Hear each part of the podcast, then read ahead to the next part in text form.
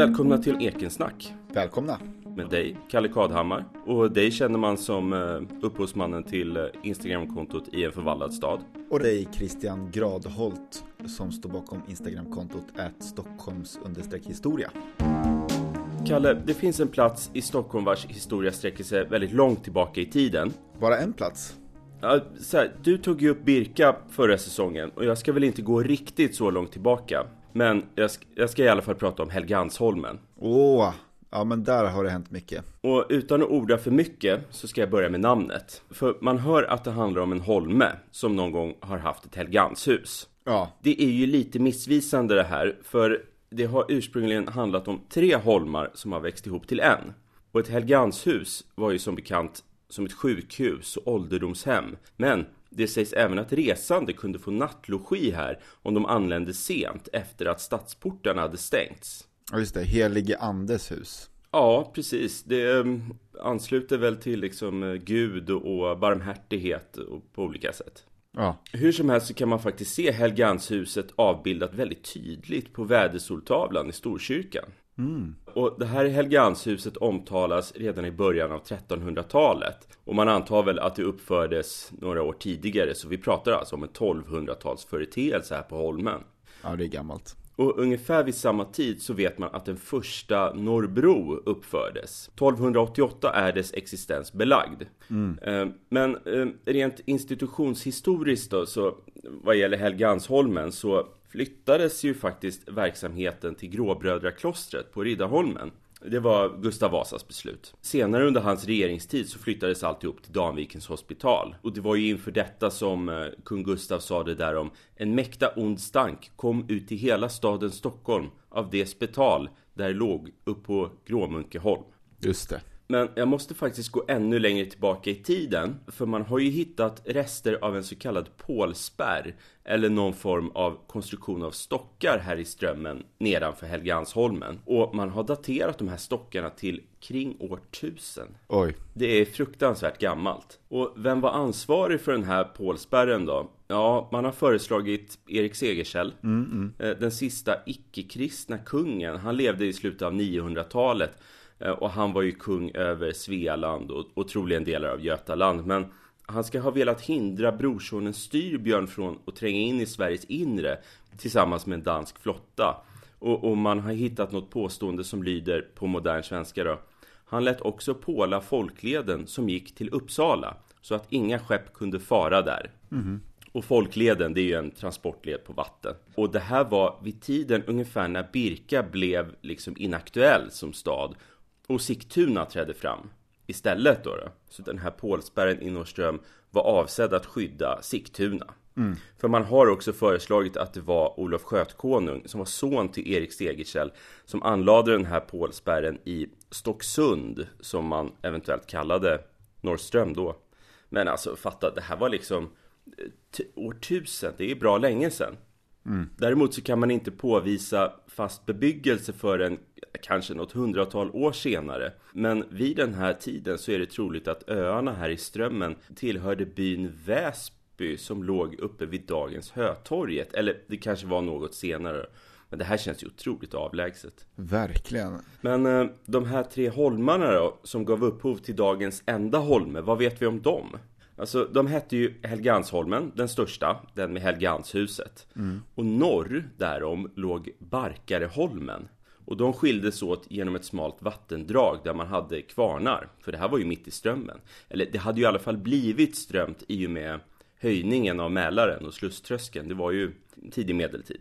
Och på Barkareholmen fanns eh, i alla fall senare då, privatbostäder. Till exempel eh, greve Per Brahe den yngres hus från 1648. Och här får man väl förutsätta att det byggdes i samband med drottning Kristinas utdelande av tomter på sjönära platser i stan. Mm, mm. Och apropå det här palatset då, det sägs att en drabant Moklin var så driftig och stark att han släppade ner Karl XIs lik hit till Per Brahes hus när det gamla slottet Tre Kronor brann den 7 maj 1697. För kungen hade ju dött bara någon månad innan och hans lik låg kvar i rummet där han dog. Oj. Och det sägs även att Karl XIs lik lades upp på bordet vid vilket reduktionskommissionen hade suttit i sammanträden. Så det är ju verkligen ödets nyck det här. Men senare på 1700-talet inhystes i Brahes hus eh, Kungliga biblioteket, Vetenskapsakademin, Riksarkivet och så Kungliga husgerådskammaren. Och det är väl som en myndighet som förvaltar inventarier och lösöre i de kungliga slotten. Mm. Men Holmarna då? Vi har ju även Lilla Stockholmen strax öster om där Norrbro ligger idag, uppåt Operan till kan man säga. Och där fanns eh, Slaktarhuset, som ju gav namn åt eh, Slaktarhusbron, som man kan säga var en av Norrbros föregångare. Okay. Det var en träbro mellan Helgansholmen och Gustav Adolfs torg. Och den södra delen, den gick från Helgansholmen över till den del av Stadsholmen som kallades för Vegården och hette därför Vegårdsbron. Och på lilla Stockholmen så hade vi Vågen och Norra Fiskarehuset och fisksumpar och krämabodar och en tvättbrygga. Men som jag sa så flyttade ju Helganshuset sin verksamhet tidigt eh, på 1530-talet. Men det som Helgansholmen främst har förknippats med ända sedan 1600-talet det är ju hovstallet. Ah. Eller egentligen låg ju först Gustav Vasas stall här från 1535 eh, och senare Tessins skapelse från 1600-talet. Eh, så här på Holmen fanns alltså kungens hästar.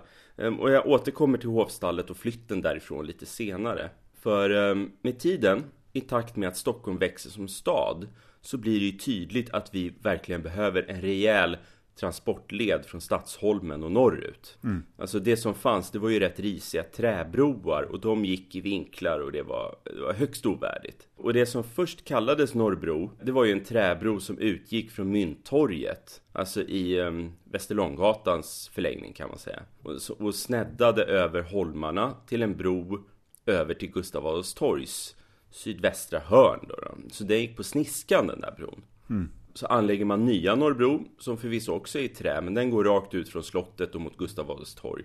Och den står klar 1687. Men senare så beslutar Stockholms stad om anläggandet av en ännu nyare Norrbro 1781. Mm. Eh, men det dröjde ända till 1807 eh, innan den invigdes. Så, men jag kan faktiskt inte komma på någon äldre bro i Stockholms innerstad. Nej. Jag föreslår att vi fastslår att Norrbro är vår äldsta bro.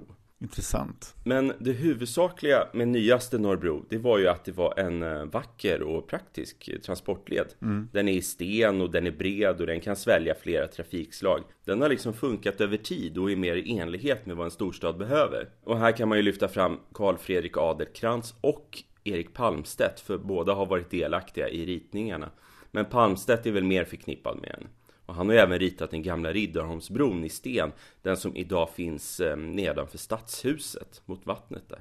Mm, mm. Men i och med Norrbros anläggande så ändras ju karaktären på hela den här holmen. Ja. Eh, dels blir de tre holmarna endast en holme och det är många verksamheter som försvinner, till exempel Slaktarhuset. Eftersom lilla Stockholmen upphör liksom att existera, den grävs bort och den liksom, ja, uppgår i hela Helgansholmen då. Mm. Eh, och så fiskehamnen vid Barkareholmen försvinner. Men det blir inte särskilt prydligt här ändå. För på planen nedanför Norrbro, det blir liksom en upplagsplats för fiskeredskap och byggnadsmaterial. Det var inte förrän långt senare, 1831, som man beslutade sig för att anlägga en park här, alltså Strömparterren. Mm. Som ju var Stockholms första kommunala plantering faktiskt.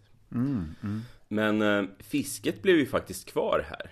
Alltså ännu idag så ser man ju fiskare vid Helgansholmen mer ja. än någon annanstans i hela Stockholm skulle jag säga. Verkligen. Och de här sänkhovarna på båtarna, det är ju en väldigt speciellt eh, inslag i stadsbilden.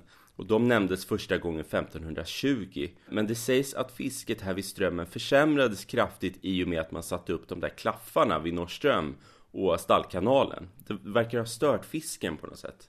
Men vi måste ta en titt på västra sidan av Helgansholmen. För här föreställer jag mig att det var ganska spännande. Det var liksom ett gytter av hus och tvättstugor och badbryggor, och ett badhus och det var oregelbunden strandlinje. Alltså jag skulle gärna vilja gå runt och titta in i de här husen med sina konstiga vrår och utbyggnader. Ja, det finns ju foton på de här gamla, gamla bebyggelsen. Det är fantasieggande att, att se på de här bilderna för det är, det är en väldigt speciell bebyggelse. Det, verkligen, det ser verkligen trångt ut. Ja, absolut. Men bra mycket mer uppstyrt kan man ju säga att det var uppe på Norrbro. Särskilt efter att basaren hade byggts 1838-39. Eh, Delvis byggdes den faktiskt för att från Norrbro dölja det här virvaret på Västra Holmen. Mm-hmm. Samtidigt var kung Karl XIV Johan väldigt noga med att basaren inte blev för hög och började konkurrera visuellt med slottet. Egentligen ville inte han alls veta av den där basaren eh, och det var stora krångel att få den till stånd. Alltså prins Oscar gillar den verkligen, så de stångades över det här. Men eh, den byggdes i alla fall och så blev det dags för höjdmätning av den här nya basarbyggnaden. Då lurade man upp han som skulle mäta upp på en liten kulle av utfyllnad och byggnadsmassor in till basaren och mycket riktigt var höjden då inom acceptabla gränser. Även om den i verkligheten kanske var någon aln högre än tillåtet. Okej, men alltså den var ju knappast speciellt hög väl, själva basaren? Nej. Det är inte så att den konkurrerar med slottet. Där känns det som att han var lite väl nojig. Absolut, men Karl XIV Johan, han var han var inte som man liksom tror att fransmän är så här eh, eh liksom coola. Han var ju, han var ju militär och, och han röjde väl upp hela Kungsträdgården och till en grusplan och ja. han gillade inte det där. Nej, nej. Den här basarbyggnaden i alla fall, den ritades av Per Axel Nyström. Och det var han som även ritade Brunkebergs hotell. Och han var Ferdinand Bobergs, eh, nu läser jag till här, svärfars, fosterfars och morbrors svärfar och fosterfar. Oj, ja. Men här i basaren fanns ju legendariska näringar. Ja. Alltså, mest känt är väl kanske Adolf Bonniers boklåda. Mm, där mm. man redan 1839 kunde köpa en eh, instruktionsbok om hur man utför daguerreotypier, alltså fotografi. Ja. Eh, och så på andra sidan mot Gustav Adolfs torg till så fanns ju Delacroix eh, schweizeri. Just det, men så fanns ju också en av eh, Nordiska kompaniets anfäder där. Som vi har pratat om i tidigare avsnitt. Just det, det var galanterierna, eller vad var det? Precis, tysken Benjamin Leija hade ju öppnat en galanteributik här. Och det var hans son sen ju som eh, startade upp ett varuhus som sen blev Nordiska kompaniet. Ja just det, men vad bra att du sa det För det fanns ju så mycket i den här basaren Att August Blanche, den här Stockholmsskildraren sa Om man kommer in i basaren utan det minsta fikonlöv Skulle man efter en knapp timme kunna utträda Riggad från topp till tå av skräddare, modehandlare, guldsmeder etc Låter ju perfekt. Men ytterligare en av anledningarna till att Norrbro togs till flanörernas hjärtan För det här blev ju snabbt snobbränna och promenadstråk nummer ett bland de fina människorna mm. Det var ju att trottoarerna var så släta Det var så behagligt att gå här mm. Men nu när jag pratar om åren kring 1840 här Så måste jag apropå August Blanche nämna en klassisk incident Som hände här på sensommaren 1842 Nämligen kraschaneringen på Strömparterren Mm. För en dag så kunde man se en man komma gående här ner för trapporna från Norrbro ner till Strömparterren, nämligen Karl Jonas Love Almqvist. Och plötsligt kunde man även se en rund liten man jaga efter honom och det var ju August Blanche. Och om man betraktade de här herrarna så kunde man även se att August Blanche gör det oerhörda är att spotta Almqvist i ansiktet. Oj. Rakt i fejan alltså. Och det är det som eh, en kraschanering är. Det kommer från franskans cracher, att spotta. Och Almqvist, han vänder om och går sin väg utan ett ord. Och, och Blanche är å sin sida lite förvånad över sitt tilltag då. Kanske lite generad och bedrövad. Så här gör man ju inte hur som helst. Men vad handlade då det här om? Jo, Almqvist och Blanche avskydde väl varandra rent allmänt. Men den omedelbara orsaken var ju att Almqvist hade skrivit i Aftonbladet Han hade outat att August Blanche var född oäkting mm -hmm. Och det här var ju tidigt 1800-tal och, och, det var ju liksom oerhört skamfyllt att födas som barn till föräldrar som inte var gifta mm. Men det om kraschaneringen Vi får faktiskt gå framåt i tiden lite För det är ju så att Helgansholmen ligger mitt i Stockholms hjärta och är därmed attraktiv mark Ja. Och redan i början av 1870-talet så pratar man om ett nytt riksdagshus. Och det diskuteras fram och tillbaka i mer än 15 år. För det är känt hur usel luft det är i det gamla riksdagshuset på Riddarholmen. Och det kunde vara 11 grader vid mötets inledning och 25 grader framåt kvällen. och bastuatmosfär, sägs det. Man skojade om att det inte var så konstigt att andra kammaren var så oberäknelig under sådana förhållanden. Så en av anledningarna till att ett nytt riksdagshus behövdes var att riksdagsmännens hälsa äventyrades i det gamla huset. Oj. Och vad gäller Riksbanken då? De skulle ju också få ett nytt hus, tänkte man. Den låg ju vid den här tiden vid Järntorget. Mm. Och, och, byggnaden höll helt enkelt på att rinna ut i Saltsjön. Oj. För grunden gav, gav efter mer och mer. Och hela byggnadens integritet var hotad eftersom landhöjningen gjorde att pålarna under de här byggnaderna i Skeppsbroraden utsattes för luftens inverkan och de ruttnade. Oj. Och apropå rasrisken här skrev man i riksdagsprotokollet som jag varit inne och läst från 1888 Redan en flyktig blick på murarna kan härom övertyga. Mm. Och det är ju bara att gå och titta på den idag. Alltså gamla riksbanksbyggnaden, den är ju det är snett och vint och man undrar hur det där står kvar alltså. Mm. Men den 5 maj 1888 så beslutar man i riksdagen om att bygga ett nytt hus åt sig själv då. Just här på Västra Helgansholmen och så därtill en riksbanksbyggnad intill. Men det, det rådde liksom ingen konsensus kring det här. Många var motståndare, framförallt för att man vördade slottets visuella dominans på platsen. Och att smälla upp en stor kåk här intill, det vore liksom att förgripa sig på självaste Tessins storverk. Men beslutet fattades i alla fall, trots många protester. En av de här protesterna kom från Tönnes Algren som hellre ville köpa upp några tomter i Nedre Klara, riva byggnaderna och smälla upp nytt riksdagshus där. Och riva Arvfurstens palats var alltså inte lika kontroversiellt som att inkräkta visuellt på slottet. Då. Men eh, när beslutet här var fattat i alla fall, då utlyste man arkitekttävling. Och förslagen som kom in på nytt riksdagshus var liksom, de var monumentala mastodontprojekt. Va? Det var liksom kupoler och torn och enorma trappor. Så här snackar vi verkligen visuell konkurrens med slottet. Och vinnaren då, då han hette Valfrid Karlsson. Det var inte hans ritning som kom till utförande, utan det var Aron Johanssons. Och nu måste det ha varit lite kämpigt för Aron Johansson för i stort sett samtliga av hans arkitektkollegor går ut i ett gemensamt upprop mot det nya riksdagshuset på platsen. Mm -hmm. Det var väl egentligen inte för man tyckte att själva ritningarna var hemska utan det var just platsen. Man tyckte att Helgansholmen hellre skulle läggas ut som öppen mark och park. Mm -hmm. Ja, varför inte? Så arkitekter som Ferdinand Boberg, Ragnar Östberg, Fritz Eckert, Isak Gustav Claesson, Kasper Salin, Gustav Lindgren och Hjalmar Kumlin tillsammans med ytterligare liksom, med typ 50 arkitekter någonting. De eh, protesterar och man skrev ett upprop där man sa Vi anser att Helgansholmen, så länge Kungliga slottet står där det står, icke under några omständigheter kan betraktas som storbyggnadsplats, alltså icke som plats för en byggnad med riksdagshusets väldiga mått. Mm. Ja, det är ju raka rör. Och lika många konstnärer gjorde ett upprop och uttryckte samma sak. Och här har vi Richard Berg och Fritz von Dardel och Carl Larsson och Gustav von Rosen och August Malmström. Och de här uttalandena, de fälldes eh, 1894. Men då hade man hunnit avröja hela Helgansholmen. Allt var borta. Det här gyttret på Västra udden och hovstallet och allt utom Norrbro i stort sett. Så nu var det faktiskt fri sikt från Mynttorget ända till Strömgatan. Wow, men jag kan gilla tanken på en park där. En, en, liksom, en oas mitt i Stockholm. Det kan jag också. Jag är inte förtjust i eh, riksdagshuset. Det är ju fortsatt trångt på Helgeandsholmen om man säger så. Ja, det är det. det, är det. Men uh, man började påla samma år, 1894. Eh, för protesterna var ju fruktlösa då, då. Och riksdagshuset och Riksbanken började byggas efter att man lagt grundstenen 1897 i kung Oscars 25 regeringsår. Och samtidigt så murade man in en blylåda med dagens tidningar och en kopia av Sveriges rikes lag och några andra dokument. Och vi kallar väl sådana för tidskapslar va?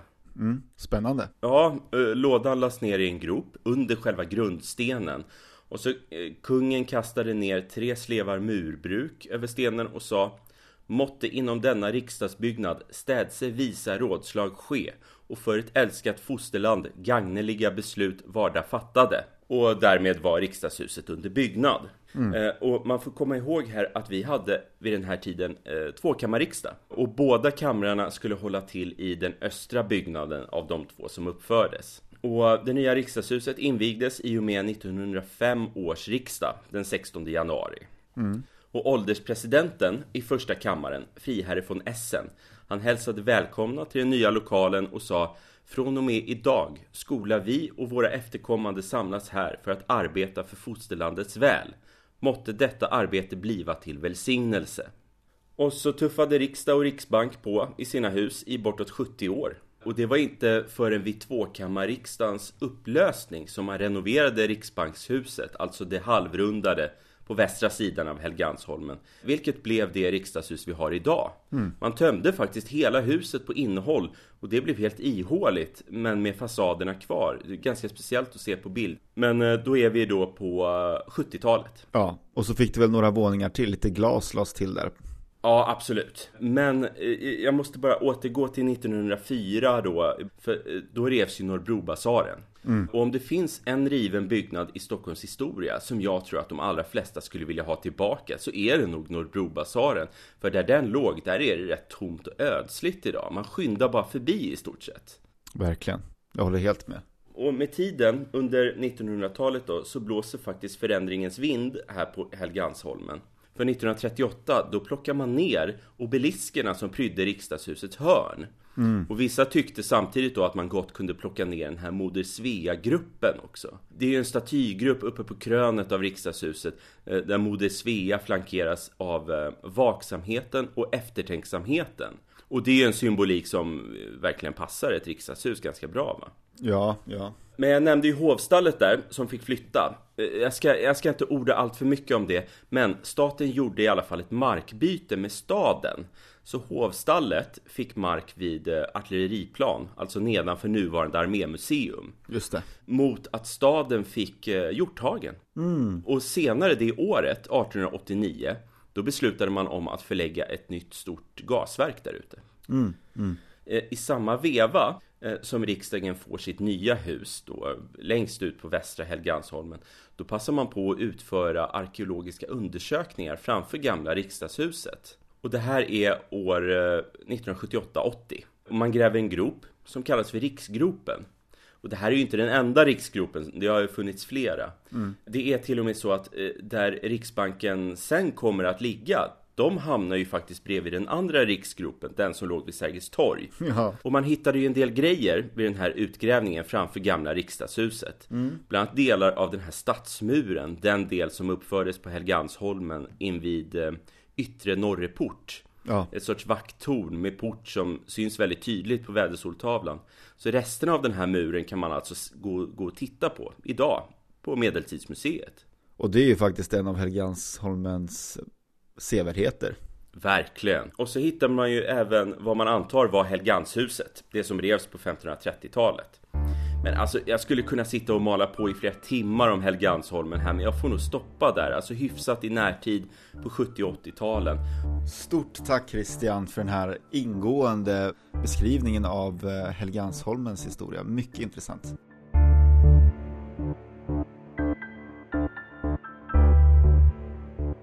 Christian, båda vi hänger ju på Instagram en del. Eh, det var ju faktiskt så vi träffades ju. Ja, det händer att vi är där inne. Ja. ja. Och nu i dagarna, när som helst, kommer man kunna betrakta ett väldigt speciellt fenomen på Instagram. Vet du vad det är för något? Nej, jag har ingen aning om vad du pratar om. Det här har ju blivit nästan en modern tradition. När stockholmarna i gemensam aktion går man ur huset för att ta sig till Kungsträdgården, fotografera de japanska körsbärsträden som blommar och sen lägga ut på sociala medier. Absolut. Vi, vi, vi är nog alla skyldiga till den synden. Man kan liksom inte värja sig, de är överallt de här bilderna på de rosa bladen. Och jag raljerar ju lite nu, men jag är inte fullt så kritisk som jag låter. Jag tycker det är ganska trevligt när det blir en uppståndelse kring de här trädens blomning det är ju rätt trevligt överlag att röra sig i Kungsträdgården den här tiden på året, eller hur? Absolut. Och av just den här anledningen tänkte jag idag prata om Kungsan. Ja men vad kul, det är på tiden tycker jag. Ja, så jag, jag rör mig bara ett stenkast bort från Helgansholmen här. Ja. Och Kungsan är ju faktiskt något så ovanligt som en park mitt i city. Fast med åren har det ju blivit allt mer av en plats kanske, nästan ett nöjescentrum under ett år sker mer än 200 evenemang här i form av allt ifrån festivaler till skridskoåkning och mängder av sport och kulturaktiviteter. Ja, verkligen. Det är fullt upp här. Det är ju ett ställe med en väldigt långtgående historia, en av Stockholms äldsta bevarade parker och precis som namnet antyder och som jag tror att de flesta stockholmare någon gång reflekterat över så var ju det här från början kronans ägor. Kungens trädgård helt enkelt. Ja, just det. Platsen ligger ju lägligt i anslutning till slottet så man kan ju gissa att det nästan alltid pågått grejer här så länge slottet har funnits alltså. Det finns dokument som styrker att kungen hade kolodlingar här redan i början av 1400-talet. Mhm. Det var Erik av Pommern som i 1430 anlade vad som kallades för sin köksträdgård här. Men då var parken lite mindre för Sankt Jakobs kyrkas kyrkogård upptog mycket mer av den här platsen då. Men i början av 1500-talet flyttar man den här kyrkogården lite något österut till vad som då hette Sankt Görans kapellgård. Och man lät trädgården ta lite större plats helt enkelt. Och sen följer en liten period här när Kungsträdgården glöms bort lite. Den stod faktiskt helt utan underhåll i långa perioder här eh, på 1500-talet enligt Octavia Carlén som skrev Karl XIIIs torg förr och nu i mitten av 1800-talet. Jaha. Men, skrivs det, i Gustav den förstes tid inkallades en trädgårdsmästare, Hans Friese, som skulle iståndsätta alla konungens trädgårdar och under Erik den XIV ordnades trädgården av fransmannen Jean Allard, som enligt kontrakt skulle förse hovet med frukt och grönsaker. Så ja, först nu blev det här alltså en riktig kunglig trädgård i dess verkliga betydelse. Här fanns under 1500-talets andra halva gott om fruktträd, kryddor, till och med meloner. Kan du tänka dig det, när vanligt folk antagligen kämpade med att få ihop tillräckligt med gröt till sig själva? Det måste ju ha varit en otrolig upplevelse att gå runt där. Ja, verkligen. Eller det, det var, man hade väl inte tillgång till det där, men de som hade det där, måste ju varit fantastiskt. Sen följde dock återigen ytterligare en tid av vanskötsel och när man närmar sig mitten av 1600-talet här, då beskrivs trädgårdens utseende som ruskigt. Jaha. Så det har sett ut på väldigt många olika sätt här genom åren, beroende på hur högt den har prioriterats av maktinnehavaren vid tidpunkten. Karl XI tog dock tag i det här eländet någonstans i mitten av 1600-talet och lät städa upp trädgården ännu en gång. Och nu drog man för första gången in vatten hit också, från Träsksjön, som du har pratat om i tidigare avsnitt. Ja, just det. Eh, Vattenkonsterna kallade man det. Ja, men precis. Antagligen någon form av vattenfall eller pålande bäckar av något slag. Vid den plats där Karl XIII staty står idag. Och den här vattenkonsten stod tydligen kvar i närmare 100 år. Till 1760-talet då man istället uppförde en gräsvall här på platsen och ställde en byst av Fredrik I här. Ja, ja. Och nu under 1700-talet hände det grejer på allvar med den här platsen. Det planterades kastanjeträd, man byggde orangerier så man kunde odla citroner och apelsiner. Och en bostad för trädgårdsmästaren uppfördes ungefär där TGI Fridays restaurang ligger idag. Jaha. Och framförallt så reste man nu en stenmur runt hela platsen. Och så hade man järnportar som bevakades av vakter. Om man vill veta hur de här portarna såg ut, då kan man gå till den här första inkörsporten vid Hagaparken, du vet. Där finns nämligen en av de här portarna kvar. Man flyttade dem dit senare. Ja, ja, det är alltså de eh, autentiska, de riktiga.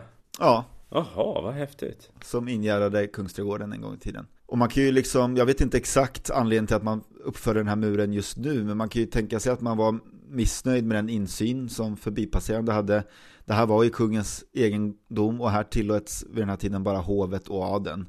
Men det var ju ohållbart att ha det här som någon slags privat trädgård så centralt. Det insåg Gustav III som istället ville satsa på att bygga en modern, rejäl rekreationsplats ute i Hagaparken ju. Ja, just det. Så han valde att öppna den här parken för allmänheten faktiskt. Gustav III får ju en del skit emellanåt, men han gjorde också mycket bra i vår stad. Det är under hans tid som vi ser många av de här tidigare demokratiseringarna av stort och smått.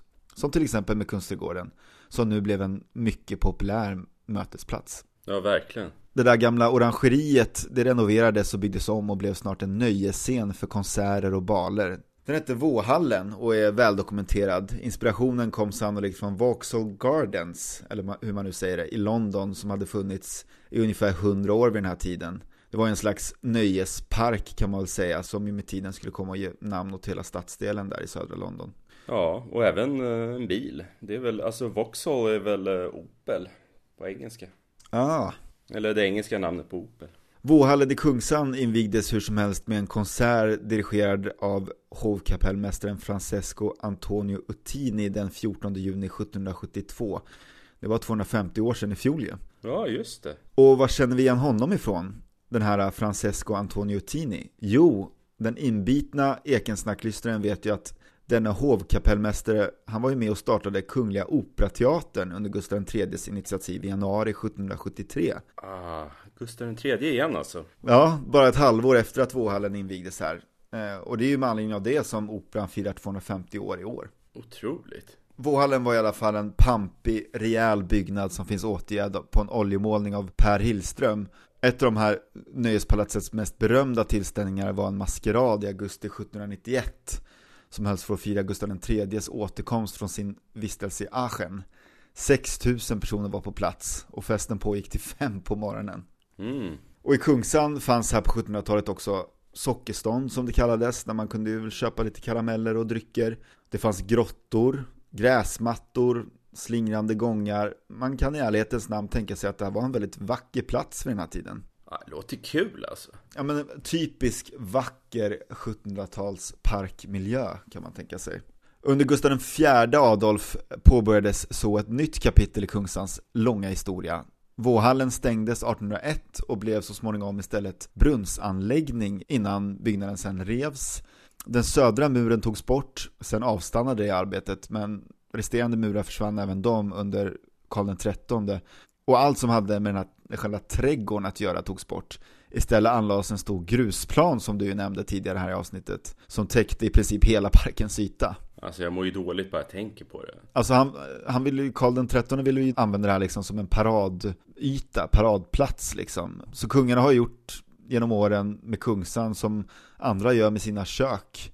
Så fort man flyttar in ser man till att riva ut allt och renovera köket och sätta sin egen unika, inom citationstecken, prägel på det hela. Ja. Innan man flyttar ut och låter nästa person upprepa ritualen. Ja, tidens gång. Men det finns en grej som jag inte gått in på än vad gäller Kungsan. Längst i söder mot vattnet låg ju ett palats vid den här tiden, som du mycket väl vet. Det Lagardiska palatset. Ja. Som ju var så fantastiskt vackert att det fick smeknamnet Makalös. Men, men var det så vackert då? var, var det inte att det bara var liksom stort och, och imponerande? Så kanske det var mer, och dess placering vid vattnet onekligen unikt ju Ja, för Stockholm. alltså det var väl eh, näst efter slottet Tre Kronor så var väl det det maffigaste vi hade. Ja, och Kungsan gick ju då alltså för i tiden hela vägen ner till vattnet. Det fanns ingen väg här längs södra kortsidan vid vattnet som det gör idag, utan Ja, just det. här gick parken hela vägen fram till det här palatset Makalös, som ju i början av 1800-talet, dit vi nu kommit, inhyste Kungliga Dramatiska Teatern, Dramaten. Ja. Ett annat av Gustav IIIs kärleksbarn och en slags avknoppning av tidigare nämnda operan. Men 1825 händer ju något med Makalös, det här lär vi också återkomma till i detalj någon vacker dag, men hela huset brinner ju ner. ja, just det. Och då flyttar Dramaten till andra lokaler, ett stenkast bort, och så städar man rent på platsen och låter parken gå hela vägen ner till vattnet. Det måste ha varit vackert, fridfullt. Ja, absolut. Efter det att Karl XIV Johan låtit resa en staty av sin adoptivfar Karl XIII bestämdes att Kungsträdgården skulle kallas Karl XIIIs torg. Och inte långt därifrån har vi Karl XIIs, eh, en staty av Karl XII. Ja, just det. Den är utförd av eh, Johan Peter Molin och den avtäcktes ju vid 150-årsminnet av Karl XIIs död. Och det var ju då invigningen skedde den 30 november 1868 och den här vill jag ju näm- vidröra för att den här invigningen skedde ju under dramatiska former. Myndigheterna hade ju byggt stora läktare här för Stockholms kändisar och elit. Och det här gjorde ju att allmänheten knappt kunde se invigningen, vilket ledde till upprördhet, kravaller, eh, där kavalleriet red mot folkmassan. Det här finns ju beskrivet i Per-Anders Fogelströms helt fantastiska Mina drömmars stad. Ja, just det. Ja, det var ett superfiasko det där alltså. Och de här kravallerna, de var väl ett uttryck för ett allmänt missnöje som rådde. Det var knappast bara statyn saken gällde. Det var väl en segregation i stan i stort som man var frustrerad över. Rätta mig om jag har fel. Nej, det tror jag också. Alltså, det var ju ett oerhört tydligt klassamhälle då. Ja, och det här blev någon slags utlösande faktor och en väldigt tydlig liksom bild en spegelbild av den här segregationen. Ja, och sen kanske man, alltså det hade ju varit svält och, missväxt åren, året innan va. Det var ju, alltså Sverige var ju, det var nervigt, en nervig stämning. Ja, och det här blev ju då en, en stor händelse vid tiden som alla kände till och mindes.